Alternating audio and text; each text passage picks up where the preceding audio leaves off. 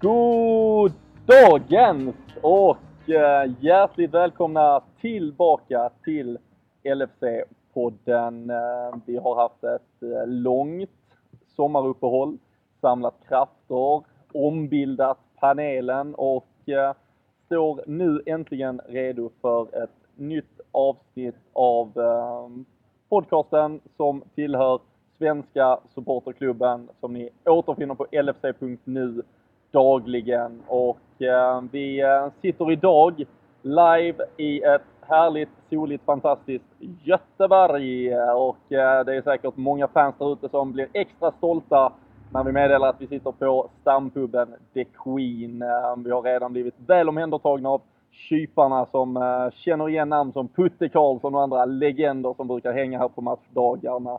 Vi eh, ett härligt gäng. Det är jag, Robin Bylund och vi har samlat ytterligare fyra goa grabbar som är redo. Ehm, de flesta, men, eller alla, med en tidigare debut avklarade i poddsammanhang men gör idag sina riktiga debuter kanske som ordinarie medlemmar åtminstone. Och eh, vi börjar väl med lite av vår, eh, vår egen Alex Manninger-värvning.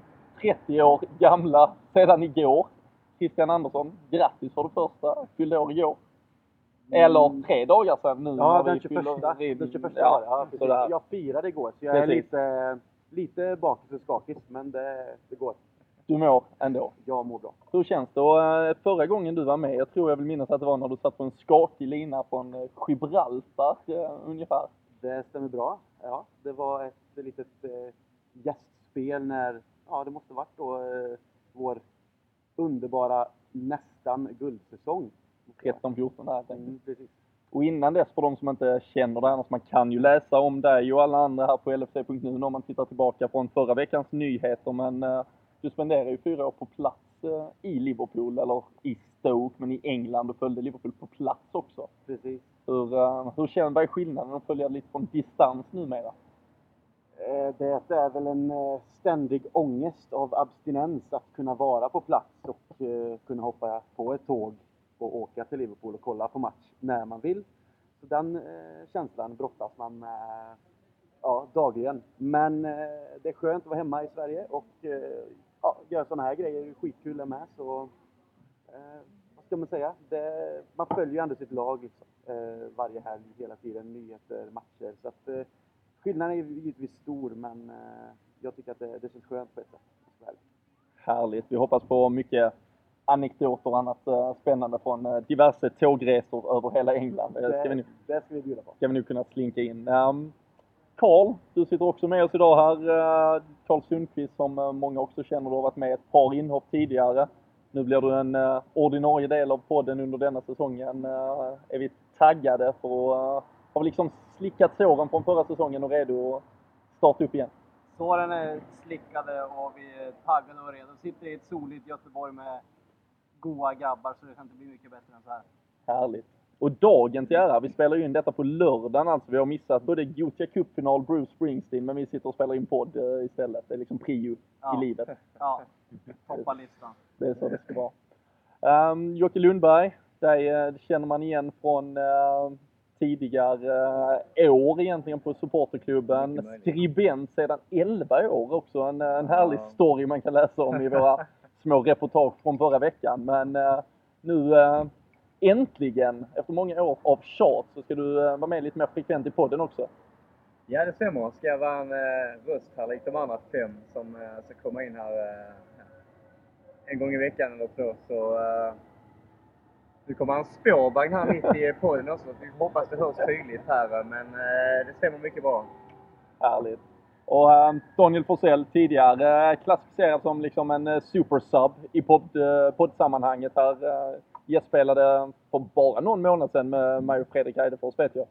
Hur, mm. hur känns det att också nu bli en viktig del av detta? Det är skönt att alltid kunna gå in som ordinarie när man har haft det epitetet som supersub. Och, då har man antagligen gjort något bra så att det känns, känns riktigt fint. Sitta här med, precis som de andra har sagt, sitta här med ett gött gäng. Och, avnjuta Göteborg och The Queen. Det, det är svårslaget. Har det varit, du är ju trots allt eh, av oss här eh, den som är närmst från trakterna med din eh, Boråskoppling. Har du varit på riktig queen och härjat under matchdag någon gång? Några gånger har jag varit här. Sist var nog någon säsong sedan, men framförallt minns jag när vi var här på FA-cupfinalen mot Chelsea för några år sedan. Eh, som vi förlorade 2012. Som vi förlorade, ja. Precis. Vi skulle egentligen ha träff i Borås och så Konka stället vi hade bokat. och då, då, fick vi ta en stark liga hit ner och då var det lite överfullt här. Eh, men det var en upplevelse ändå. Härligt. Trots förlusten. Trots förlusten. Men eh, vi hoppas ju att eh, detta annars är dagen eh, och starten på ett nytt eh, segertåg.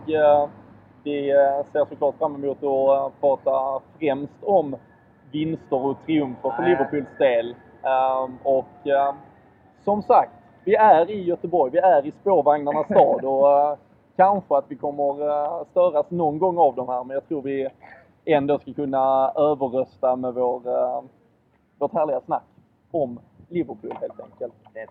Vi, vi har fått massvis med frågor. Det är säsongspremiär såklart. Det, är liksom, det kryper, det kittlar i folk att uh, tagga till inför detta som komma skall. Vi har, när vi sitter här nu, så är vi ju bara en dag eh, efter att vi har eh, signat Jorginho Wijnaldum bland annat. Eh, hur har ni liksom, det var ju en extrem besvikelse förra säsongen Krille. Kände jag personligen i alla fall, jag vet inte om jag var ensam. Men har du liksom, har man lyckats bearbeta det och tagit nya tag? Är vi redo för en ny säsong om man säger så?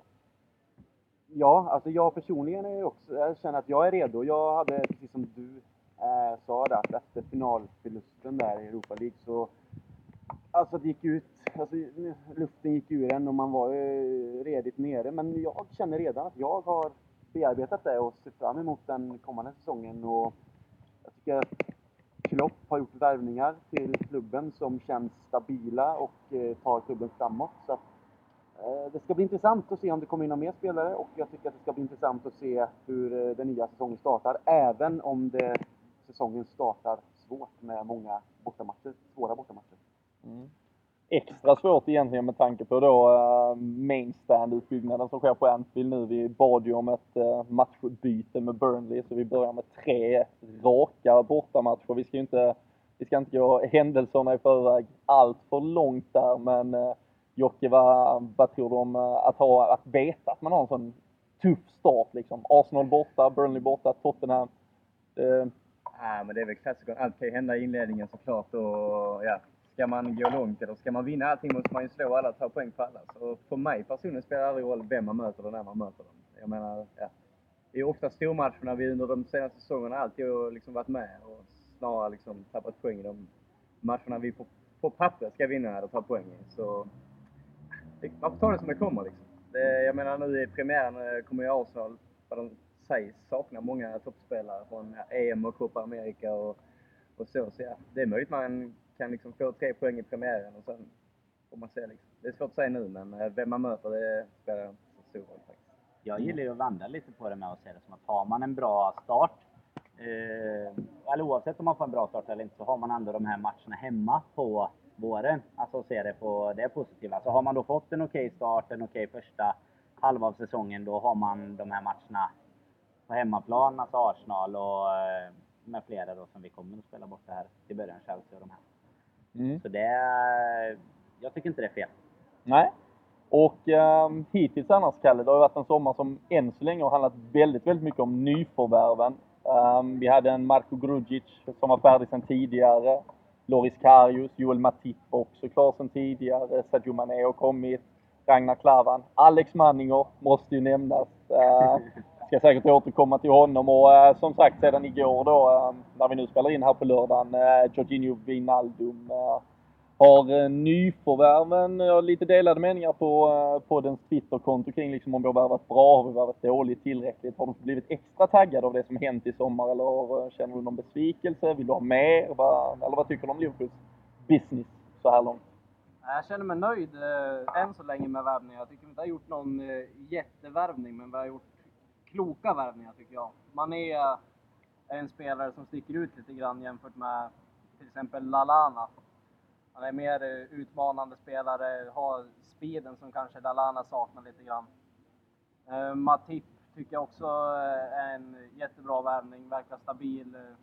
Stabil mittback, bra i luften och bra med fötterna också som är ganska offensivt inriktad. Sen Wijnaldum som blev klar igår, han gillar jag personligen också.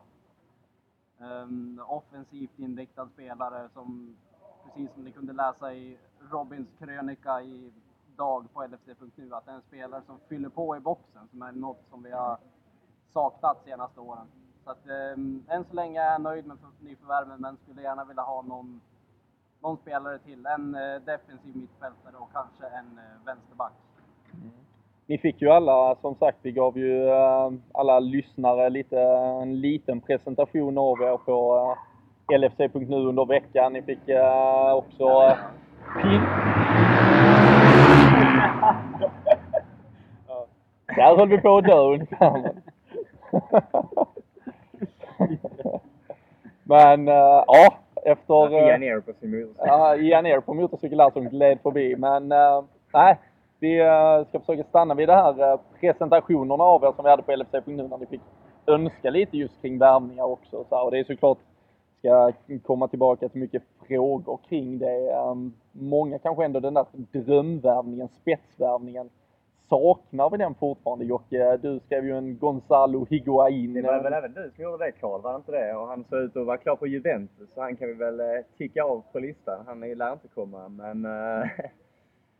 Både som Karl eh, sa innan, alltså en eh, defensiv mittfältare och vänsterback är väl det som vi ska, enligt mig, sikta oss in på nu. Vi, förra säsongen var det ju mycket att vi ville ha mer mål från mittfältet. Det var ju 11 mål på Mané och 11 på Wijnaldum om jag inte minns fel, samt framspelningar och även försvaret har vi hämtat in både en och två och ja, nästan tre eh, mittbackar och nu är väl fokus på vänsterbacken. Så vi har ju verkligen förstärkt de lagdelarna vi har velat eller hoppats att vi skulle förstärka. Men eh, en defensiv mittfältare har ju länge eh, hoppats på. Det har varit Lukas Leiva som har redat oss flera säsonger i rad istället för att bli utlånad sista dagen så har han stannat kvar liksom. Eh.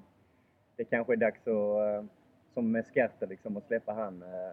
Man får bara inte hoppas det blir en Gary Medell som det ryktas lite om. Det får hoppas det är lite högre kanske men en, en slitfärg på mitten har vi saknat sen Mascherano kanske. Men det är väl det främst en, en på, på mitten. Vi har ju faktiskt också glömt att nämna Ragnar. Ja, Klavan. Ja. ja, men Ja, eller sa du det? Ja, ja, han ja, är ser, ja.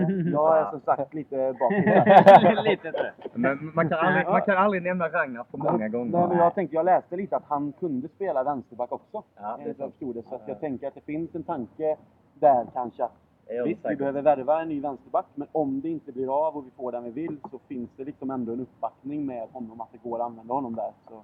Men ja, då har vi nämnt honom i alla fall. Yeah. Vi glömde honom. Vi kan, ju, eh, vi kan ju stanna lite för vi hade ju eh, en omröstning på LFC.nu på supporterklubbens hemsida tidigt här under sommaren just inför egentligen fönstret med vilken position vi verkligen behövde förstärka om man säger så. Och det var kanske såklart lite i, i sviterna av den tunga förlusten i Basel men eh, Alberto Moreno stod ju inte högt i kurs. Det var liksom många som skrek efter just en vänsterback.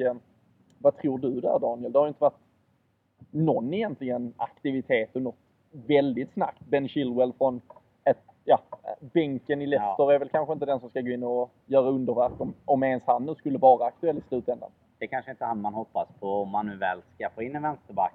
Sen är väl jag en av de som fortfarande tycker att Moreno inte är eh, den mest värdelösa vänsterbacken. Men jag tror lite som du är inne på att i sviten av Sevilla så är det ganska lätt att titta mot just en vänsterback, även om vi kanske skulle behöva förstärka positionen. Men som sagt så är nog inte Ben Chilwell den som jag i alla fall hade velat se förstärka det. Jag kan inte riktigt säga vem jag hade. Jag kanske inte heller hade velat ha Ragnar Klavan springandes ute på vänsterbacken om jag ska vara ärlig. Så det känns ju verkligen som det är väldigt få, alltså vänsterback eller ytterback överlag, som finns, finns tillgängliga liksom. Kanske ja. för en rimlig peng för oss också. Jag menar det var ju Dani Alves, han gick ju till, till Juventus gratis till exempel. Där.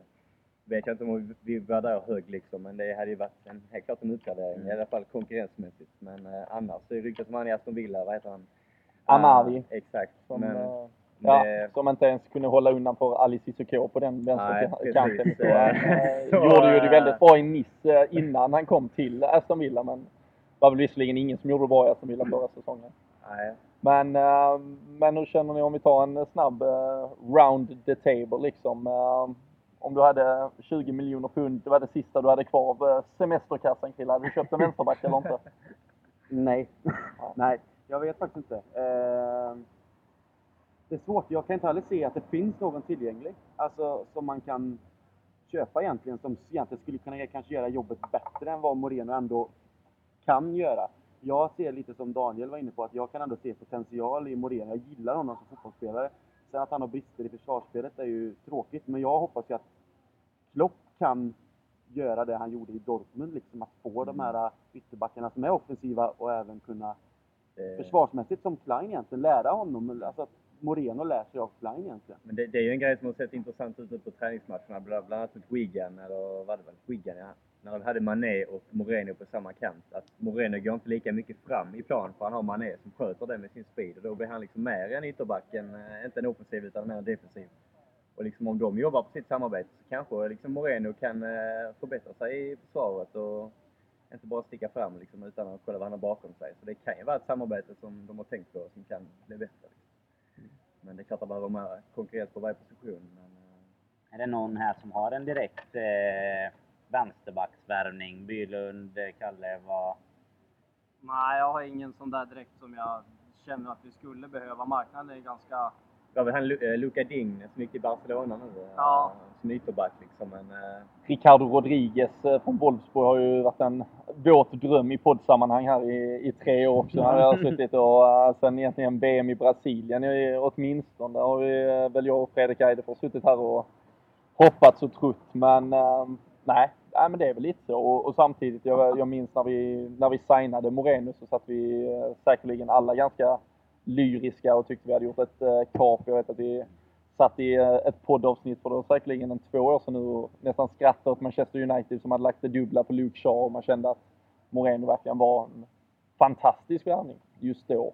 Så ehm, nej, det, det, det, det var en usel insats i, i Basel. Det, det var en skrämmande dålig insats och ehm, en som tyvärr inte riktigt, man inte kan liksom bortse från på något sätt. Men, men ska vi gå vidare och se på det långsiktiga och vart pengarna bör placeras så tror jag ju det, de kan vara väl mer använda på, på andra positioner åtminstone. Och eh, tycker än så länge vi har gjort ett, ett riktigt bra fönster egentligen faktiskt. Så eh, det är väl egentligen eh, utsidan det känns som det, om vi ska kalla det så, alltså vad som ska lämna Liverpool som eh, är de stora diskussionerna nu egentligen. Eh, källor säger väl att det kanske en eller två värvningar skulle kunna vara aktuella. Vi, vi har ju fortfarande ändå sålt lite. Det är ju stora summor nu för tiden. Så även en Jordan Ibe har ju inbringat pengar och, och därmed egentligen så har vi inte spenderat några sanslösa så att säga netspendpengar utan det handlar ju mycket nu om att beroende på vad som händer så kommer det säkert finnas lite kapital. Men det handlar ju om att börja tömma också lite. Kalle Joe Allen, en eh, spelare som eh, vattendelare eh, i, i, i supporterkretsar från att liksom ha bänkad, eh, bortglömd eh, i Liverpool till att vara EMs nästan bästa mittfältare helt plötsligt, hyllad till skyarna. Men eh, är det, är det dags att casha in här och eh, gå vidare? Ja, jag, jag tycker nästan att det är dags att, att casha in lite grann. Det, kommer en spårvagn till här. Eh, nej, men det är en spelare som jag, jag alltid tyckt om Allen och han har gjort bra ifrån sig de matcherna han har, han har kommit in. Men nu, han sitter på ett år kvar på kontraktet och, och har man väl börjat tvivla då så tror inte jag att man kommer förlänga det nästa år heller. Så att, han gjorde ett bra EM nu och det är några klubbar som har ögonen på honom. Så jag tycker vi ska ta, ta möjligheten att sälja honom. Men jag tror även att han vill ha han vill ha, komma till ett lag där han får spela från start och vara en, vara en spelare som kan, som kan styra mitt vi har ju också en sån bredd att det kanske är svårt att, att liksom motivera att han ska stanna egentligen. Eh, där han kommer få väldigt svårt, precis som Kalle är inne på, få speltid egentligen. Och efter den insatsen han gjorde i EM så vill han väl bygga på det någonstans och då kanske han gör det bättre i till exempel Stoke som, Men, som det har eh, ryktats till. My, mycket av anledningen till att han fick spel, speltid i våras var också på grund av skador på Henderson och bland annat. Och nu har vi även hämtat in två mittfältare. Även om det är de här yttervarianterna så är det ju fortfarande mer konkurrens. Det beror på hur vi formerar laget. Men eh, vi kommer tillbaka spelare från skador så det är helt klart mer konkurrens trots vad han har i bagaget så att säga. Det är ju inte kanske helt otroligt att tro att vi ändå har två så att säga balanserade på något sätt mittfältare är väl max vad som kommer ges plats. Mm. Då har vi en eh, Emre Can, Jordan Henderson, James Milner, Marko Grudzic, eh, Wijnaldum som absolut kan spela i positionen. Så eh, mm. Lukas som skulle kunna vikariera om han stannar men eh, troligt är väl att eh, dagarna åtminstone är räknade för The Welsh Pirlo. Joe Allen eh, helt enkelt. Eh, men det är ju ganska mycket mer som kanske ändå ska eh, rensas ut. Det var ju tidigare rykten om Christian Benteke att vi i min värld kanske ignorerade eller tackade nej till, till bud som var alldeles för bra för att egentligen ignorera. Uppges ju att Crystal Palace ändå närmade sig de här 30 miljoner punden. Vi betalar strax över dem, runt 35 när vi hämtade honom från Aston Villa. Men ehm, tror ni vi Får vi chansen igen att bli av med honom till de pengarna? Vill vi bli av med honom? Måste vi bli av med honom? Eh, var, eh, var står Christian Benteke i kurs med en Divock eh, Origi, en frisk Danny Ings, en Daniel Sturridge som såklart vill bevisa sig? Jag hade nog sagt att vi, vi måste inte kanske bli av med honom, men vi vill bli av med honom. Vi vill framförallt bli av med honom om vi får de buden som vi, som vi ryktas ha fått då. Eh, och den sista frågan som innebär alltså är chansen att vi får de buden igen? Nej, den är egentligen inte så hög om vi inte tar det nu. För jag tror inte att han kommer få så mycket speltid eh, i början på säsongen. Och jag menar, ser man till januari till exempel då, då kommer han ju inte ha kvar det värdet. Om han inte har spelat mer än en handfull matcher. Eh, vilket jag inte tror att han kommer göra med, med de andra spelarna tillgängliga egentligen personligen kan inte jag se liksom var vi ska få in honom med tanke på liksom vi har Danny Ing som är tillbaka från skada, vi har en Origi, vi har en Sturridge som förhoppningsvis är tillbaka från skada. Det är ju för mig tre, han är fjärdevalet enligt mig liksom med tanke på att vi vill spela en offensiv eh, fotboll med kvicka spelare. För Timman är som är kvick, Wijnaldum som är kvick, vi har Coutinho, vi har Firmino. Det är ju alla sex, sju spelarna, de är ju liksom kvicka offensiva spelare. Han är liksom mer den som står där inne i boxen och behöver sina inlägg. Och för mig är han liksom en som inte passar kanske in i det vi, vi vill bygga liksom. Och jag hade kunnat sett han på ja, 25 miljoner hade jag varit jättenöjd med. Så jag, det är inte kanske eh, liksom läge att bara vänta på att få ut någon miljon till liksom. När vi har fått, fått in rätt bra övergångssummor på många andra spelare som man riktigt trodde liksom. Så, ja. Nej, det är ju ganska, och det är ju alltid ganska intressant egentligen när man, när man pratar övergångssummor. Det är ju egentligen alltså oavsett om man nu 27 miljoner pund eller 28 eller 29. Och, men det viktigaste är väl egentligen att man får, får någonting och blir av med en lönekostnad mm. egentligen. Mm. För noll miljoner pund och att vi ska betala honom lön och att han ändå inte ska spela. Det är ju mindre än liksom 10 miljoner pund till och med.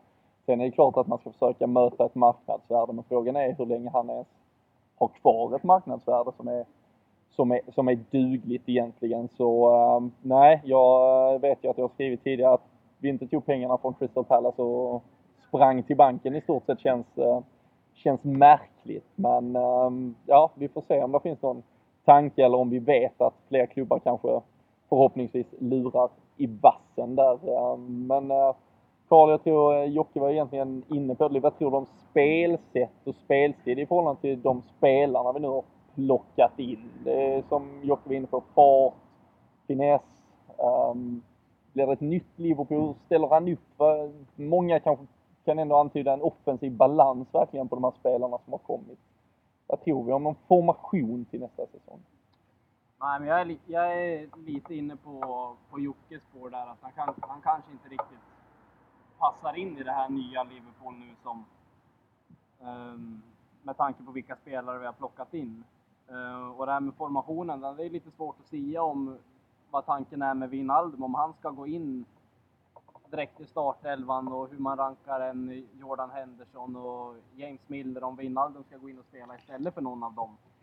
Så i dagsläget är det ganska svårt att säga om, om formationerna så, men jag tycker helt klart om vi ska komma tillbaka till Benteke så tycker jag vi ska um, sälja honom. Och det är lite som Jocke säger också att eh, jag är nöjd om vi får mellan 20, 25 och, och 30 miljoner pund. Det är jag jättenöjd med. Så att eh, jag tycker helt klart att vi ska sälja. Det känns ju som att vi har många spelare som kan spela på många olika positioner. Liksom, eh, Wijnaldum kan ju spela på kanske ett typ centralt mittfält med typ en Chan, men han kan också spela längre fram som en, ja, bredvid en Coutinho och Firmino. Så det är väldigt svårt att bara plocka nu liksom vad Klopp tänker. Han bygger ju en trupp med bredd och det har vi saknat länge. Så det är väldigt svårt att säga. Men vad som gör också, som jag anser, som Benteke då, som gör att han hamnar ännu längre ner i, i the pecking order så att säga, det är ju liksom att Firmino är också en anfallare som kan, alltså han kan ju användas som anfallare om Klopp vill. Han har ju själv gått ut och sagt det, att han ser honom rätt mycket som en anfallare. Det är ju den snabba, kvicka, tekniska anfallaren, precis som egentligen Sturridge och kanske Ings kanske inte har, han är kanske lite mer brittisk då, men mm. han är ju mm. snabb och etterig, pressar. Benteke har ju inte det. Han är ju den där stillastående eh, striken liksom. Jag personligen är lite svag för Benteke. Jag skrev en krönika för ett år sedan när vi värvade honom och trodde faktiskt att han skulle eh, bli en succé. Sen gjorde han ju rätt så mycket mål ändå, sett till tiden han fick spela. Men jag tycker det är synd, för jag gillar han som fotbollsspelare. Jag tyckte han gjorde otroligt bra Aston Villa. Men Liverpool med Klopp eh, kommer aldrig spela ett system eller ha en spel, eller fotbollsfilosofi som eh, kommer passa Benteke. Så att, kan vi få mellan 25 och 30 miljoner pund så är det bara att tacka ja och så avlasta dem, vad han har, 75 000 pund i veckan någonting. Han har väl den högsta lönen i Liverpool någonsin. Det, det, är ju ett annorlunda alltså, alternativ om man vill förändra grejer i matcher men samtidigt eh, känns det som att vi har för bra läge att tacka nej för pengarna nu liksom för att sätta han på en bänk eh, med de tre anfallarna före. Även om en av dem skulle gå skadade så kan ju en Firmino komma in som du säger liksom, i anfallspositionen. Precis, att använda Benteke som bara en matchförändring de sista fem minuterna med den lönen. Och, alltså, det fungerar inte. Det finns ju liksom inte i... Det var det vi hade Ricky Lambert till. Ja, ja det blir lite dyrt att lite, lite billiga. Men äh, det känns ju som, äh, annars känns det som Benteke skulle satsa på kanske äh, plocka fram ett äh, engelskt medborgarskap nu när Sam Allardyce tar över landslaget. känns det annars som äh, Där hade det funkat i alla fall. Det är liksom inte Jörgen Klopp. Det är, det är mycket Sam Allardyce över det. Ja. Nej, det är väl precis det. Han kommer aldrig passa in liksom. Och, äh, och det är ju viktigt. Det är ju en stor skillnad. Alltså man får ju särskilja en bra spelare eller att man funkar man i en precis. miljö eller inte. Och, och det, han hade ju säkert kunnat funka jättebra någon annanstans. Ett Crystal Palace kanske till exempel. Johan Kabajs äh, känsliga fötter igen. Och, ja, vi får, eh, vi får se vad som händer. Men eh, vi har fått en fråga där annars och ni är ju inne och verkligen berör ämnet. Eh, Hugo Levinsson skriver på Twitter där om, om just strikersituationen. Han har, han har väl själv egentligen räknat bort Christian Benteke redan verkar det som. Men eh, trion Daniel Sturridge, Divock Origi, Danny Ings. Räcker den? Ni var ju inne och nämnde drömvärvningar i form av Higuain men eh, vad tror du Danne? Är vi liksom all set med anfallare även om Christian Benteke lämnar? Det beror ju egentligen helt på Sturridge skadeform skulle jag säga, eller vad man ska kalla det. Alltså han har ju... han har ju en, eh, en otrolig... Han har en bra skadeform! Han har en bra skadeform, ja. Han är otroligt duktig på att dra på sig skador. Skulle, vi, alltså skulle man säga att alla tre var friska då, eller att de, eh, alltså kvalitetsmässigt bara, då tycker jag egentligen att vi att vi står bra med dem om man räknar med att vi har Firmino som lite, inte reserv bakom dem, utan kanske som alternativ att kasta in på topp eh, från sin ordinarie position.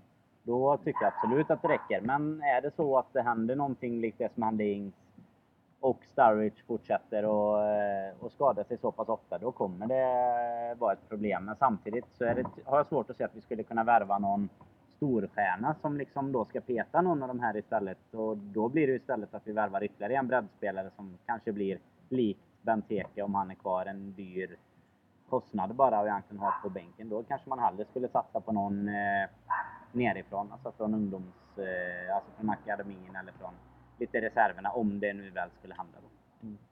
Ja, för det är ju också som, som där egentligen, jag tror väl att ni alla kanske inser så länge Daniel Sturridge är frisk, är han väl ändå ett första val eller, eller är Divock Origi eller Danny Ings närheten av att peta bort honom tror ni? Eller? Sturridge för mig är ju, alltså, han har ju talangen på ett helt annat sätt. Han är ju en råtalang och det har han ju alltid varit.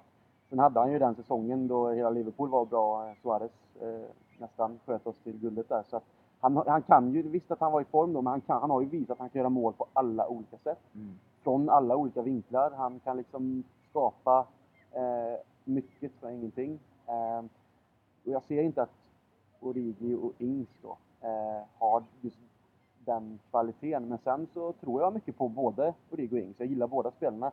Men eh, jag skulle säga att Sturridge är första valet. I, i, liksom, hade jag varit manager och fått bestämma startelvan då med en frisk Sturridge så är det ingen som petar honom, enligt mig. Klockren etta för mig med.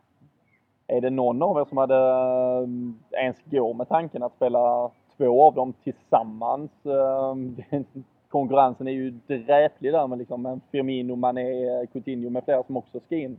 Eller är det en striker eh, av den här trion som kommer att gälla tror ni framöver? Just en striker var lite så Klopp har kört, eller körde Dortmund med Lewandowski och en Götze Royce bakom och allt vad de hette.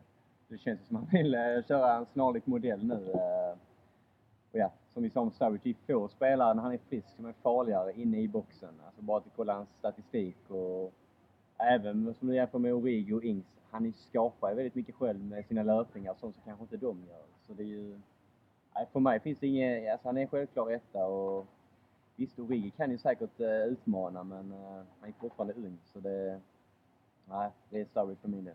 Mm tycker att, eh, saknar nästan att vi hade en kamera här på Dick för Jocke Lundberg gör kroppsrörelser för att visa hur Daniel Sturridge faktiskt rör sig i straffområdet eh, just nu. Det, ja, Ställa dig får dansa med. Ja. Tro mig, det, om Sturridge rör sig så bra den kommande säsongen så, så blir det bra helt enkelt. Då är det guld. Jag har jobbat på skadorna nu. Snyggt polerat. Men um, Kalle, om, om du hade tagit på dig Klopps keps idag och tagit ut uh, mittfält anfall. Uh, det är, är ju svårt att formera och man ska hitta en balans. Eh, vilka spelare hade du plockat ut på eh, de sex då främre positionerna? Eh, om vi ska börja med mittfältet så tror jag hade formerat det i dagsläget helt klart Emre Can som första val på mittfältet. Men sen är jag väldigt svag för Jordan Henderson. Så jag hade startat med båda de två som ett litet sittande mittfält. Sen Mané, Coutinho och Firmino framför där och sen Sturridge grejen är att som Liverpool-fan, man är ju lite, man är lite skadad. Att eh, när, man se, när man ser att vi kanske kommer ha spelare som James Milner och kanske Henderson eller Wijnaldum på bänken så tycker man att så här bra spelare kan inte sitta på bänken. Men det, tittar man på de andra topplagen så är det ju så det ser ut. Att det är bra spelare på bänken också. Det är det lite vi har saknat. Så att jag ser det bara som positivt att man får lite huvudbry om vem som ska skapa de där mittfälts och anfallsplatserna. Men eh, som jag sa tidigare så, så ser min elva ut i dagsläget. Jag håller med eh, Kalle faktiskt, men jag tänker på en sak som faktiskt jag, jag kommer att tänka på lite då och då när vi pratar Liverpool och nyförvärv och hur vi ska ställa upp. Det är ju ändå att James Milner var kanske vår bästa poängspelare förra säsongen. Kom gratis från City och jag vet inte vad han gjorde. 12 assist och 7 mål. Visst, några var straff, men jag menar han sätter alltid arbetsinsats eh, in i laget. Han jobbar kopiöst och sen så skapar han ju eh, poäng och gör mål. Jag tycker det är så svårt där, precis som du säger Karl, med. Jag är också svag för Henderson och gillar honom, men vad ska en sån som James Miller, ska han börja på bänken då för att kunna komma in? Men plockar man bort en sån spelare som gör de poängen, eller vad säger du Robin? Vad har du för Nej, men det är väl egentligen om jag, jag kan referera lite tillbaka till den eh, krönikan jag skrev på, på LFC.nu eh, i helgen helt enkelt om, eh, eller i samband med Wijnaldums äh, ankomst till klubben. Och äh, jag tror ju kanske att Klopp har en lite mer balanserad plan att sätta till spel när det väl gäller. Men samtidigt så är det ju extremt frestande tycker jag i alla fall, om man hade kunnat få se ett lag med Emre Can som en sittande och liksom det här råskinnet, djuret han kan vara på det defensiva mittfältet tillsammans med egentligen Wijnaldum och Coutinho. Det är något jag har slått ett slag på länge också, att jag vill se honom i en lite mer tillbakadragen roll. Och liksom med det inte sagt att han på något sätt ska bli defensiv, men jag tycker han gör, när han får chansen, liksom används till det, så gör han en fin arbetsinsats alltid. Han kan komma hem, bryta boll och Coutinho är egentligen aldrig bättre än när han just kommer med fart och har hämtat den lite djupare. För när han blir stillastående, när han får den uppe vid straffområdesgränsen. Alternativet såklart är att han kan böja in den egentligen och det har han gjort med, med den äran flera gånger. Men jag tycker ändå när han är drivande med boll och på samma sätt Wijnaldum med sitt löpande liksom in i box från mittfältsposition tror jag skulle kunna skapa enorm liksom framgång för laget eh, samtidigt som vi behåller lite balans. Och eh, i det tillägget lägga in Mané, Firmino och Sturridge längst fram så har vi ju liksom ett extremt offensivt starkt lag.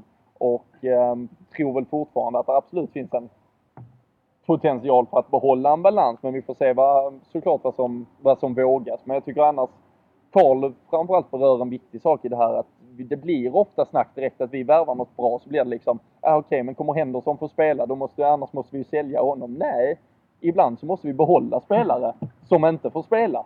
Vi kan inte bara behålla spelare som är för dåliga egentligen för att spela i startelvan.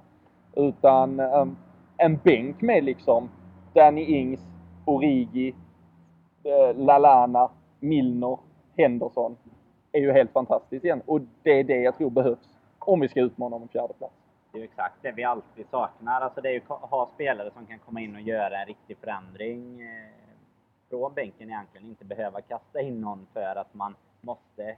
Chamel George typ. Nej men, skämt åsido. Nej men, kasta in någon som man känner liksom att okej, okay, nu är den här spelaren lite sliten, han är skadad eller någonting. Vi måste kasta in någon och, och, få en klar försämring. Utan att då kunna få en egentligen förbättring efter att någon har spelat 70 minuter eller kunna få en minst lika bra kvalitetsmässig spelare som till exempel, jag gillar ju Lalana väldigt mycket. Och han är, tänker inte jag anse i mitt huvud just nu som ett första val eh, men jag vill absolut inte släppa honom. Henderson, samma där. Jag vet att vi fick väldigt mycket frågor på Twitter om just Hendersons vara eller icke vara. Han är kapten. Eh, var, var ska han in liksom? Kommer han funka? För det är lite, ja, det är, det är ett extremt angenämt problem att ha för mycket bra spelare att välja på. Det är ju inte, vi har ju inte varit bortskämda med det de senaste åren. Och äntligen så är ju det det som Klopp gör, att han skapar en situation som skapar konkurrens. Som gör att de som presterar bäst under träning och sen matcher eh, kommer ju få spela antagligen. Eh, sen kan man alltid ha sina favoriter, men jag gillar att han skapar den här situationen. Så vi, som du säger Daniel, vi har inte, vi har inte riktigt varit bortskämda med den situationen innan. Att vi har kunnat liksom, ta den utav de här två bra spelarna. Liksom. Utan vi har haft en som alltid har spelat för att det inte har funnits andra alternativ. Och nu så blir det liksom att de får lägga manken till och visa att de ska starta. Och eh, det är precis som Karl var inne på innan också. Eh, så ser det ut i de, eh, de flesta eh, toppklubbarna om man kallar dem det. Och nu finns det väldigt många toppklubbar i Premier League men mm. de har en stor konkurrens och de som är bäst för stunden spelar. Men det är samma sak med en skada till exempel. Vi får en skada på uh, nu, ja, Danny Ings som blev skadad förra säsongen. Nu var väl inte han ordinarie, men säg att Coutinho åker på en liknande skada. Alltså ha en spelare redan färdig som kanske inte kan göra samma jobb, men i alla fall kan göra ett okej okay, liknande jobb liksom. Då, uh, det vinner man ganska mycket på istället för att behöva börja kasta in lite vad man kanske själv tycker är underifrån. Alltså någon som kanske inte ens skulle ha, ha suttit i klubben från början. Också ett eh, namn. Vi pratat mycket offensiv eh, kvalitet här senaste minuterna. Eh, Lazar Markovic eh, har vi inte ens nämnt. En spelare som, som fortfarande trots allt kom för nästan lite drygt 20 miljoner pund, eh, spåddes en lysande framtid i, i Benfica. Har fortfarande egentligen framtiden för sig men eh, där egentligen, om vi pratar Joe Allen lite också kanske en, en vattendelare. Där folk kanske tycker att han borde framförallt fått chansen kanske förra säsongen. Men nu med tanke på värvningarna här Jocke, är det, har verkligen hans tåg gått från uh, Merseyside åtminstone? Jag, jag, tror inte, jag tror inte det. Vi försökte ju plocka hem honom i januari men det gick inte på grund av diverse klausurer var det väl som förhindrade. sen missade han ju tre månader av eh, säsongen i Fenerbahce här under våren. Så det är klart han har haft en en tuff och kämpig säsong. Jag personligen gillar ju det här riktigt att är det Sporting som jagar honom, där han står detta tränare, han är Jesus som var i, i Benfica. Han har ju tagit över Sporting nu. Jag tror att Markovic är typ en spelare som behöver ha någon som, som liksom lägger, Lite trygghet. Ja, men lägger armen runt honom och hjälper honom och liksom eh, peppar honom. Talangen finns ju där, men det finns ju inte i Liverpool den här säsongen. Jag tror han hade behövt liksom, en säsong på lån till, förhoppningsvis utan skador. För man kan inte riktigt räkna det han hade nu i fjol i Fenerbahce där han missade mycket på grund av skador. Nej, jag tror han behöver en säsong till i Portugal. Hans, eh, ja, inte hemland, men eh, det är där han har, han har varit några år liksom. Eh, ja. Känns tryggt att liksom komma hem till, eh, till en tränare som har hjälpt honom och bygga honom liksom i Benfica. Så Sporting känns som ett bra val på lån möjligt vi kan sälja den också. Nu har vi börjat skriva in sådana här klausuler i alla försäljningar med vidareförsäljning och tillbakaköp och liksom Men just nu ser jag inte liksom, nej, knappt på bänken till och med dessvärre, alltså, dessvärre med tanke på all mittfältskonkurrens vi har. Så. Lån, men jag vill inte släppa han helt än. Jag vill inte släppa honom helt. Kan också vara att uh, Jocke är lite färgad av faktumet att han har blivit kallad Lazar Markovic ett par gånger med sitt eh, långa, långa vackra hår. Men eh, Eh, Kalle, för en, som, eh, för en som inte har lika långt eh, och ståtligt hår. och, vad, vad tror vi om uh, Markovic och hans framtid på, på Merseyside? Nej, men jag är inne, inne lite grann på Jockes spår där att han skulle kanske behöva ett år till på lån med någon som, som ni beskriver, som kan lägga armen runt omkring honom. För personligen, det jag ser av Markovic är att det är en spelare som, feg är väl fel ord, men det är en spelare som kanske saknar den här slutprodukten. Att han kommer till, till straffområdet, men inte mer. Så att eh, det, man ser helt klart potential i, i i killen, men han skulle behöva gå ett år på tillväxt. Så att, eh, ja. Ännu en spelare som fortfarande är ung. Vi är väldigt eh, enkla med att döma här, eh, men eh, helt klart ett lån tror jag hade varit bästa för honom. Mm. Vad är han? 90, 94, 94? 22, Ja. 23, det, eller blir 23 sen. Nej, det är alltså självklart. Det är, um, och det är väl å- återigen kanske en av de här spelarna som hamnar lite i det här facket där vi tänker att ah, okej, men han får inte plats i startelvan. Ah, då kan vi lika bra sälja honom. Men um, Det- Kanske är svaret på vår nya ytterbacksfråga här, där han spelar under Rogers. eh, wingbacksinsatsen mot Sunderland där han gjorde mål till och med med någon uh, ja, halv... blev, det, man blev väl matchhjälte där matchen sen han möt. Ja, absolut. Nej, du, du minns så rätt eh, kring din eh, personliga hjälte där. Men, eh, nej, men det, men det är ju, vi måste bygga en konkurrens och det, och det är också ofta det här när man tar den här diskussionen, liksom att vi supportrar sitter vid sidan av och pratar om att ja, vi måste ju gå typ break-even på vår eh, spending och allt. Men det, det är väl egentligen inte vår business. Ju, ju bättre spelare vi kan ha och ju mer vi kan bränna, det är väl egentligen trevligt. Kan man tycka. Men, eh, men samtidigt måste man hitta då balansen med var spelarutvecklingen är som, som bäst såklart. Och, och då är ju frågan nu utan Europa League om hur bred truppen kan vara. Så eh, vi får väl se. Lån eller någon form av försäljning med någon återköps eh, låter väl inte helt främmande. Jag vet inte om vi kan väl nämna det åtminstone. Vi fick ju, fick ju även en fråga, nu ska jag se om jag eh, har lyckats slarva bort vem det var som ställde den. Men eh, jo, det var Petter Kalin här. Vi, vi har ju hunnit förbi hela anfallsuppsättningen utan att nämna Mario Balot. Balotelli. Ja. Han tänkte Ja. jag på innan, men eh, jag vågar inte riktigt dra ut det. Det känns... eh, Nej, men, och- och Peter Kalin nämner det väl egentligen på ett ganska snyggt sätt också. Det handlar inte om liksom, eh, om vi ska sälja honom, det handlar om hur blir vi av med Super Mario och, finns det någon klubb som egentligen är beredd att chansa på honom? Har han, eh, har han några aktier kvar i liksom, Italien? Ja, Sampdoria står varannan Sampdoria sägs ju vara liksom favoriten. Eller ska vi hoppa på något, att Svennis sitter på någon balkong och dricker champagne och signar honom från Kina? Eller vad, vad händer med den gode Super Mario, Fille? Ja, vad hände med Super Mario egentligen? Du Mario kanske man säger. Jag Ja. säger Super Mario såklart. Super Mario. Eh, jag vet inte, jag... När Hur vi, togs han emot förresten om man snackar lite engelskt folk sådär som du har kontakt med sen tidigare? Det var ju lite ändå en rolig på något sätt värvning för, för oss svenskar. Det är ju en kultspelare på något sätt. eh, Men stack det nästan i ögonen på engelsmän eller vad? jag, Hur togs han emot där? jag skulle nog säga att från de eh, vännerna som jag har i Liverpool som jag har kontakt med, ja, i alla fall några gånger i veckan när det kommer kanske just till spelare och händelser kring klubben, så var det väl lite så här att det var ju ingen värvning som egentligen kändes eh, smart överhuvudtaget. Eh, han hade en säsong tror jag i City där han faktiskt gjorde lite mål, det var mycket på straff. Han visar att han har talang, han är ju liksom också en här råtalang som har det, men han har ju ingen arbetsinsats överhuvudtaget. Ser loj ut, verkar nästan lite arrogant. Och jag menar, det, det funkar nog inte i längden i någon klubb vart det än kommer i dagens fotboll. Så, eh, jag fick känslan av de jag känner i Liverpool, som jag pratade med om eh, Mario Bal- Balotelli, var att det var bortkastade pengar. Man visste nästan, man var säker på att det, liksom, det kommer inte gå, även om vi hoppades kanske någonstans lite att han skulle stänka in några bollar och visa att han är den spelaren som han egentligen borde kunna bli. Men jag tror att eh, fallet Mario Balotelli, att han är, han är, han är borta. Nej, jag tror aldrig det kommer bli löst.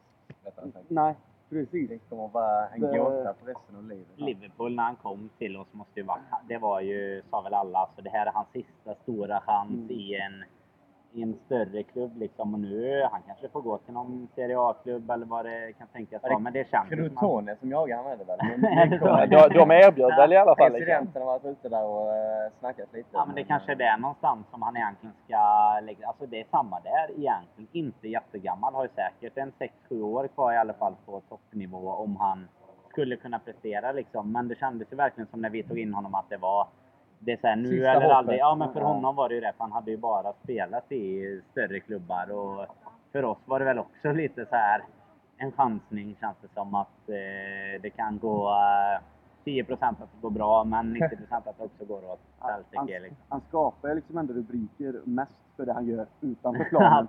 Och jag, jag vet ju ändå lite att det fa- fanns en lite så här förtju- förtjusning bland dem i Liverpool. För att han är ju relativt rolig utanför planen. Det är många goa skratt som man har fått och som jag vet att locals har haft också. Man såg den här omfamningen när han höll på att flippa ur på någon. Mm. Men jag kommer inte ihåg vem det var nu. Men de liksom, höll honom tillbaka och de klappade på honom. Det har varit mycket skratt, den känslan får jag. Men som fotbollsspelare för Liverpools fotbollsklubb så ett stort nej. Liksom. Vi, vi måste få bort honom. Frågan är ju bara, vem är intresserad? Det, det värsta möjliga är ju att vi bara kommer till att det blir en, en utlåning. Liksom. Att vi, har, Ja, ja. vi har samma problem om, om ett år. eh. Men det är ju egentligen all problematik när man har med italienska klubbar att göra är ju att de liksom vill betala 8% av värdet och sen låna ut han genom tre eh, halvägda Serie B-klubbar. Och, alltså det är ju ett eh, så jävla bisarrt system rakt igenom. Men eh, nej, vi får, eh, vi får väl eh, be, nej, nej, be att få återkomma till, eh, till ämnet. Ja, precis. Förbipasserande reagerar till och med när vi pratar Mario Balotelli helt enkelt. Ehm, en spelare som vi, som vi annars inte har eh, nämnt riktigt här eh, och eh, som ändå har stulit en del rubriker under försäsongen, Kalle, det är ju uh, Marko Grudzic som blev uh, Klopps första värvning. Han har ju, har ju varit klar egentligen ett halvår och bara fått vänta på eh, den här debuten och gjort det riktigt bra under försäsongen egentligen. Eh, Lars Nordenheim skriver här till oss på Twitter också liksom, eh, skulle han kanske kunna vara den som bryter igenom? Men vi har redan pratat om ett mittfält som nästan är överbemannat. Var ska han få plats? Som ändå känns som att han är här för att stanna på allvar. Jag har svårt att se, svårt att se en startplats för, för Grujic i dagsläget, men det, ju, det man har sett nu på försäsongen är ju helt klart intressant. Han ser ju bollskicklig, eh, stark och trots sin storlek så ser han ut att ha bra teknik också av det man har kunnat sett på försäsongen. Men jag tror inte att det är, det är någon spelare som ska gå in och göra det för oss den här säsongen. Men däremot i framtiden kommer han garanterat vara en spelare som kommer, som kommer kunna göra det för oss. Men- eh, Frågan är då vad vi vill med honom. Får vi då låna ut honom nu direkt i sommar när vi verkligen väntat på att få honom? Liksom, vi fick eh, kämpa i domstol här med arbetstillstånd och grejer och för att eh, han nu ska vara den här talangen som Klopp tror på. Men finns det verkligen plats för honom? jag skulle kunna tänka mig att han ska vara den här säsongens, eh, ja, beroende på om vi har Lukas kvar, men att han kan bli lite av en Lukas. Att eh, nöjer sig med att sitta lite grann på bänken men kommer in och, och gör allt det bra när, han- när han spelar. Men eh, den här säsongen tror jag inte att det är, det är någon spelare som kommer starta. Men eh, det kommer ju finnas möjlighet för honom i, i i diverse kupper och, och sådär. Så att jag tror helt klart att han kommer få speltid. Känns ju också som att han ganska tidigt här har visat på en allround-skicklighet egentligen från både ett sittande och balanserat mittfält till även, som han i vissa försäsongsmatcher har fått chansen i den, den upp egentligen i nummer 10-rollen och liksom har ju fullföljt anfall och, och bland annat avslutat två med, med mål också. Men eh, det är väl min känsla, precis som Kalle är inne på, att han, han ses ju säkerligen som en truppspelare som kommer att vara ganska bekväm och nöjd i den rollen han har. Han har fått ett tidigt förtroende från, från Klopp att det är en viktig värvning, att han vill att han ska finnas i klubben, att han har stor tro på honom och att han har all chans att få växa liksom i, ja, kanske lite i skymundan under den, åtminstone nu första säsongen. Så ehm, ett riktigt, riktigt spännande namn eh, känns det som. det är nog mycket vara med, eh, skaffa erfarenhet, se och lära första säsongen i Premier League. För det är ju alltid, det är alltid, i alla fall de flesta fall, är det ju alltid så att spelare har oftast, det tar längre tid för spelare som kommer till Premier League och kanske komma in i ligan, i tempot, i det fysiska spelet. Men han har ju fysiken. Eh, sen gäller det att han då kanske lär sig hur, hur eh, liksom spelet, att det går snabbt och så. Så det känns som att, som du säger Robin där, att Klopp vill med värvningen och sen gett honom det här förtroendet att vi, kom, vi ska satsa på det. Men det här första säsongen, och det vet han säkert om, så är det så att du kommer vara med, se och lära liksom. Och få dina chanser givetvis och möjligheter. Men jag hoppas, och det man har sett av honom, så känns det som att det är ett eh, namn för framtiden. Han verkar ha Det någonting. känns ju verkligen som att han är liksom den som får bort de här Kevin Stewart och eh, de här typerna. Liksom, att det är han som är den nya grejen att satsa på nu. Liksom, eh. Speciellt när han verkligen är så lång och som säger, stor och ståtlig och både det ena och det andra. Liksom. Stor, stor, Ah, det nej, men- ena och det andra. Vi kan höra mer om det i en annan podcast lite senare, när, när Jocke utvecklar. Nej, Men- men det, det är verkligen en, en, en Premier League-typ. Det är det ju verkligen. Ja. Ja, verkligen. Och sen just det som du är inne på med de här lite halvreserverna som Kevin Stewart. Alltså de här gubbarna, de någonstans. Det är väl lite de kanske vi tänker på framförallt när vi pratar om att vi behöver en bänk där vi kan kasta in folk som är lite likvärdiga i, i skicklighet i alla fall. Att vi inte ska behöva eh, ligga på reserverna. Ja, ett tag under eh, vårsäsongen så hade vi en fem, sex stycken nästan som eh, hade det riktigt, eh, alltså som fick riktigt mycket speltid ändå. Det är klart att det berodde på antalet matcher också, men eh, där kanske man hoppas att vi ska ha lite mer kvalitet på, på både namn och på plan. Ja, det var ju i stort sett att just nämnde Kevin Stewart och Cameron Brannigan var ordinarie mittfält när vi växlade lite mellan spelare under Europa League-spurten där. Och, och nej, det, det hjälper. Alltså det håller ju inte för, Nej. för att vara en, en stor klubb. Trots allt. Och Randall på högerbacken och och lite andra goa gubbar. Men eh, om vi eh, tar egentligen, det har ju varit eh, såklart många frågor har ju, har ju gällt just det egentligen. Eh, Pontus Castiel har väl egentligen varit den som har sammanfattat allt bäst här. Om vi tar en liten kort genomgång. Värvningarna, många som har inkommit, många där man kanske är lite osäker och tveksam till om de är redo att ta en startplats eller inte. Och kanske på något sätt ändå det, det mest spännande av allting eh, nu egentligen, målvaktssituationen som har fått sig en, en rejäl genomkörare där eh, Adam Bogdan lånas ut. Det är ju hans farväl till Liverpool kan vi väl alla liksom skriva under på att det är redan. Till och med han själv har gett ut eh, Ja. Och det, bara det.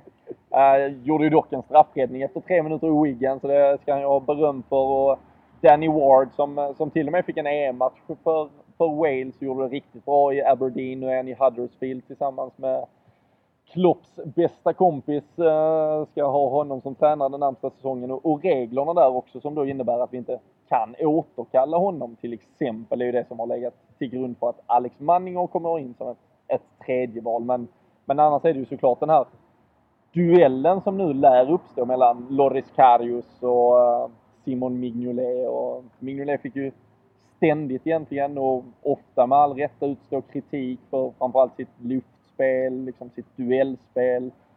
Karius som har visserligen hållit nollan under sommaren här men eh, väldigt nära att sjabbla till det mot, mot Wigan. Eh, dels kort om, om Karius och, och situationen. Eh, vad tror du där Jocke om hur, vi kommer, hur det kommer att se ut? Nu, nu ska han inte vara med för Tyskland i OS, vilket annars hade gjort att han missat inledningen. Men eh, det är väldigt svårt att säga. Det känns ju ändå... Personligen känns det för mig som att Mignolet ändå är första valet att Karius får liksom eh, kämpa för det. Jag menar, liksom, han har ändå varit första val i vad två, tre år men någonting. Vi kan inte gå vad Karius gör på träningsmatcherna nu. Liksom, det, det kan man liksom inte lägga någon större tyngd på utan det är han som får konkurrera. Sen är det ju upp till målvakten att tabba sig. Det är liksom så de blir petade. Gör ett misstag rättare sagt. Men du tror ändå att när vi, när vi står där Ja, mot det- Arsenal så är det inget liksom, stort händer så är det Mignolet fortfarande som är första målvakt. Ja, men, ja, det tror jag faktiskt. Jag hade nog gjort det liksom. Eh, Jag är inget, verkligen inget fan av Mignolet. Jag är nog en väldigt stor, eh, väldigt kritisk till honom men...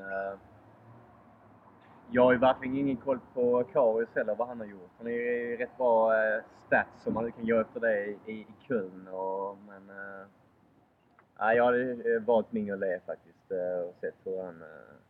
Man har fått en nytändning nu på bänken i, i, i EM i Belgien. Mm.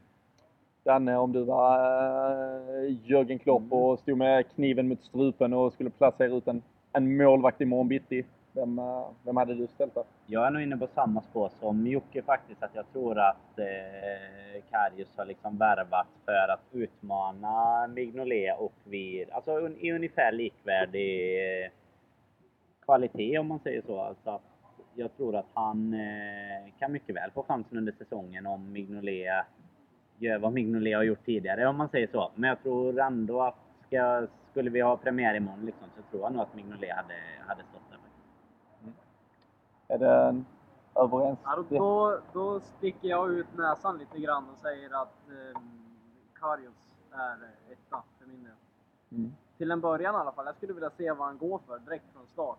Och, Men tror du att han är värvad för att gå in som etta eller, eller är det mer att du det, känner man, att det man kan läsa lite mellan raderna är ju det han säger att jag inte kommer hit för att sitta på bänken. Men det är klart, så säger alla när de kommer till en ny klubb. Inte men, Man- Manninger dock, ska nej. Manninger, han, han ska Han har redan köpt att han är liksom här. Han är tydlig med att han ska ta det lugnt. Nej men eh, jag, jag skulle vilja se det att Manning, eller inte Manning, att eh, Karius eh, får chansen från början och, och är det så att det ser lite rangligt ut då har vi ju en, då ser det ju bra ut med att slänga in Mignolet men jag skulle vilja se att han startar säsongen. Jag är, jag, är, jag, jag är helt inne på ditt spår. Jag har ju, får väl absolut också skriva, sälla mig till skaran som har varit väldigt kritiska mot Mignolet under, under ganska lång tid. Jag tyckte väl egentligen det var ganska tragiskt bara att byta Peperena mot honom eh, när det bytet genomfördes egentligen och eh, tycker väl att turen egentligen har gått till just någon ny, som nu i detta fallet är Karius, att få första tröjan och istället att han får motbevisas att han inte håller måttet. Och eh, tror väl att det kanske också skulle vara den sista lilla möjligheten att se en uppväxling på Mignolet, att han då får kliva in från bänken och visa att okej, nu är jag bättre. Nu är det bevisat, jag är det bästa valet. Och att han då skulle kunna möjligtvis komma ut som en bättre målvakt. Men eh, där, det är för tydligt att det är samma brister Simon Mignolet har haft under så många år nu. Så att det är uppenbarligen inget som kan tränas bort, det är inget han kommer växa ifrån. Han, liksom, han är inte numera en ung talangfull målvakt utan han besitter sin rutin. Men han gör samma misstag och jag tycker hellre att det är i mitt, jag hade, och jag tror också att det är tanken, att Loris Karius ska få chansen att bevisa sig om han kanske faktiskt är ett hetare alternativ. Och skulle det vara så att han inte är det, då får vi falla tillbaka. Simon Mignon är absolut inte en liksom, fullständigt katastrofal målvakt. Han är fortfarande en duglig topp 8-10 målvakt i Premier League. Men han är ju absolut inte målvakten som, som matchavgörande liksom gör att vi utmanar om en titel. Utan eh, nej, jag hoppas och tror på Karius från start eh, i alla fall. Och så får, får vi se därefter helt enkelt.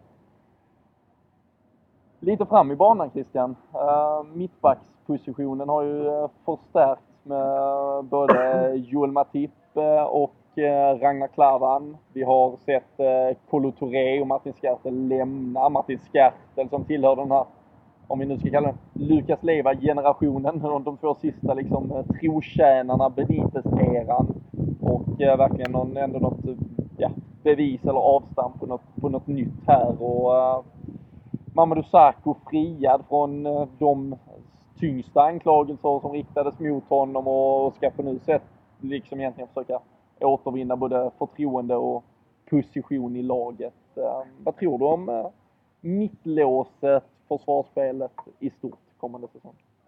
Först och främst älskar jag värvningen av Joel Matip.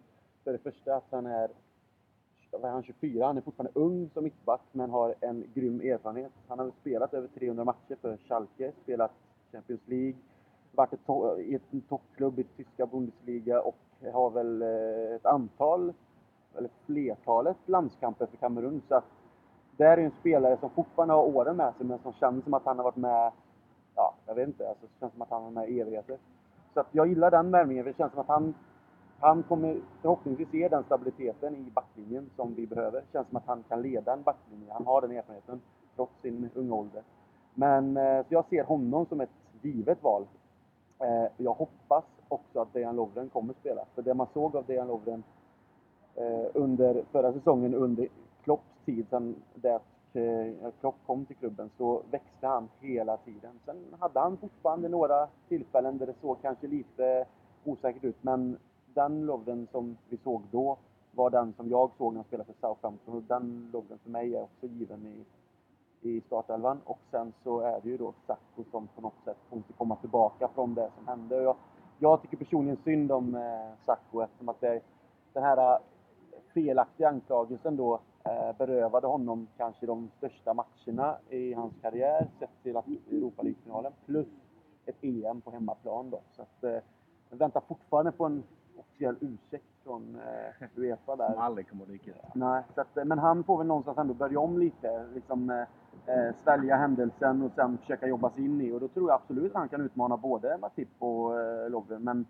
eh, när ligan drar igång igen så Matip mm. och Lovren är de, de som jag tror på. Har vi, uh, har vi, har vi, har vi klassificerat en Joe Allen som en vattendelare så är ju Mamadou Sakho säkerligen en en sådan. Då, eh, Christian, du, du inleder antagligen med att skapa dig ovänner här till, till viss del i, i, i poddsammanhang. Åtminstone eh, Robin Fredriksson som numera sitter hemma och lyssnar i alla fall eh, var ju en av de som alltid slog hårda slag på Mamadou Sakho. Men vad tror ni andra om det som Christian är inne på? Att Matip, har han kommit som den här ledaren? Dejan Lovren sägs ju också ha fått väldigt mycket förtroende. Både liksom, vi ser det på plan, även utanför plan till och med rykten om ett eventuellt kaptensmaterial. Vi ska prata mer om det sen. Men eh, vad tror ni om eh, en startelva? Eller startback? Som, som det känns just nu är det ju Lovren och Matip för min del. Dels har Sacco just nu har en skada, men det kan man inte gå, gå på över en hel säsong. Men eh, det känns som att Matip har ju blivit värvad för att gå rakt in i startelvan.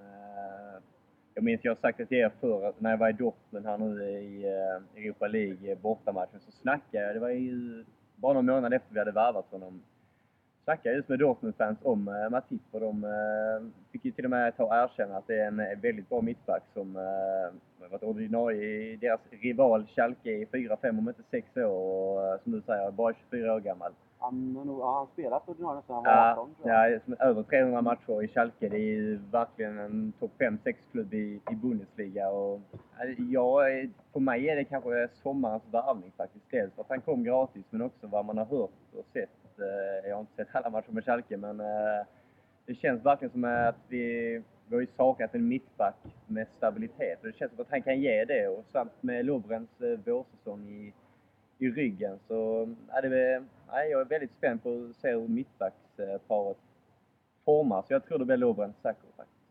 Lovren och Matip rättare sagt. Så att Robin Fredriksson eh, firar här i förtid. Jag tror det blir Lovren och Matip och att eh, Sacco får jobba. Ja. Ja, Sacco har fullt bry med att byta tröjnummer också nu från 17 eh, till 3 och skriva autografer på alla som felbeställde tröjan. Kan ta en hel höst. Ja, ja, precis. Um, får inte glömma att nämna Joe Gomez som, eh, som eh, mm. fortfarande såklart spår sig en enormt eh, fin framtid i Liverpool. Fick ju egentligen helt fel liksom vikariera out of position förra säsongen när han fick sina första chanser i Liverpool. Men är ju och, och tros och förhoppningsvis kommer till att kunna bli en, en extremt fin mittback med framtiden för sig. Och troligtvis med hans skada som, som Ragnar Klavan var ett alternativ som, eh, som eh, ett egentligen liksom en Colotore 2.0 helt enkelt. Där vi, en, eh, en spelare, även om han också i den klassiska Liverpool-intervjun säger att han vill utmana om en startplats. Men äh, jag tror också Dejan Lovren, Joel Matip är, äh, är det som, som kommer att gälla när vi, när vi kickar igång det här om, om drygt tre veckors tid helt enkelt. Vi ehm, närmar väl oss någon form av avrundning här, men jag tycker ändå att vi ska försöka stanna vid det som vi har nämnt några gånger här. Liksom Jordan Henderson ehm, är kanske inte säker i startelvan. James Milner är kanske inte säker i startelvan. Det är trots allt vår kapten, vår vice kapten. hur, ehm, det är ju annars någonting man aldrig kanske pratar så vitt och brett om, liksom den här kaptensbindeln. Men det ligger ju ändå någonting i att du kanske inte startar en säsong med en kapten som inte är tänkt som ordinarie. Vi har fått ganska mycket frågor om det också. Tror ni att eh, Jörgen Klopp liksom, tror ni han själv har, känner att han har mandatet på något sätt att liksom rycka de här bindlarna och, och redan plåstra på dem på, på nya spelare? Eller en ny kapten framförallt den. Jag tror väl eh, att eh, han känner att det är jäkligt tufft just med Henderson där. Alltså det är svårt att sätta, om man nu skulle ta bort Henderson som kapten och sätta Milner som kapten. För precis som, som du säger Robin så är de ju i precis samma position antagligen. Och där är väl jag kanske inne mer på, på det som Kridde snackar om, alltså att man ska försöka hitta, alltså är det till exempel Lovren, men man, man får hitta någon liksom som är är gjuten eh, men kanske inte heller helt ny. Alltså sätta kapten på Matip när han inte har gjort eh, en match i, i ligan, alltså när man inte riktigt vet vad man har. Men känner man till exempel att Lovren har funkat extremt bra så, eh, så tror jag ändå, eller jag tycker det är bättre att hitta någon som man vet kommer att spela helt enkelt. Alltså man vet att detta är en ledare, detta är en, en pjäs som vi vill bygga kring om man säger så. Även om eh, det finns flera sådana så tror jag inte att Filip Coutinho eller Daniel Sturridge eller någon i, i den eh, delen av plan. Nej, inte nödvändigtvis den delen av plan, men någon av dem i alla fall ska vara den personen. För att det behövs det någon mer lite trygg, lite mogen, lite rutinerad. Liksom. Om det är så att inte, eller om inte Henderson är, är tilltänkt i, i ehm, startelva så skulle jag vilja gå lite utanför ramarna och nästan eh, riktar blickarna lite grann mot Emre Can. Eh, mm. Gerard blev ju kapten relativt tidigt i karriären och växte ju väldigt mycket från det och jag ser, jag tror många andra ser också, att Can har ledaregenskaper. Han är ju den här spelaren som kan pusha på andra så han pratar på planen och så att om, om inte Henderson eller Milner är, är, är tilltänkta som startspelare, då skulle jag nästan vilja se att han får åtminstone en vice kapten eller någonting. Jag tror också att Emre Can är en sån spelare som är tilltänkt för elvan nu och för elvan förhoppningsvis i många år framöver och då är det ju absolut en sån pjäs som man kan liksom bygga, bygga upp alltihop kring. Så eh, det får jag nog instämma det hade varit fint. vad, säger, ja, vad säger du Robin? Världsklass på The Queen här. Det kommer, kommer lite regnstänk här men eh, kyparen bara drar ut en stor markis som täcker vår mick här nu. Eh. Ja, jag måste bara instämma. Det känns som att vi har en... Ge kyparen till kapten. ger kaptenspelet till kyparen. Cody Queen. Det känns som att vi har många nya namn. Uh, alltså många nya spelare som precis börjat sin ja, tid i Liverpool. Och att det inte riktigt finns någon kapten. Jag menar, hade vi gått tillbaka ett år eller kanske två hade vi haft de här Skert och Lukas. De har varit där länge, de kan klubben, de kan stan. De har varit med om både bra och sämre tider. Men Emre Can är ju ett val att, att lyfta fram. För det känns som att Klopp verkligen vill bygga sitt mittfält runt honom också. Så uh, ja, jag gillade det där valet. Jag tror väl om jag eh, får gå eh, lite gissningsvägar och händelser i förväg att, eh, att rycka binden från Jordan Henderson som på något sätt liksom hade byggt upp förtroendekapitalet att förtjäna den redan under förra säsongen. Jag tror det skulle liksom vara för tuff smäll. Det finns absolut en stor sannolikhet att han kommer att puttas ner liksom i the pecking order som vi har pratat om på, på sin position. Han kommer kanske inte spela som en ordinarie spelare, att då också rycka binden. Men jag tror liksom att ett snyggt sätt att göra det skulle vara att James Milner går in med sin rutin, liksom han har, har tryggheten. Att han på något sätt lämnar över vicekaptensbindeln till, och då tror jag namnen ni har nämnt, antingen Dejan Lovren eller Emre Can, är högst aktuella.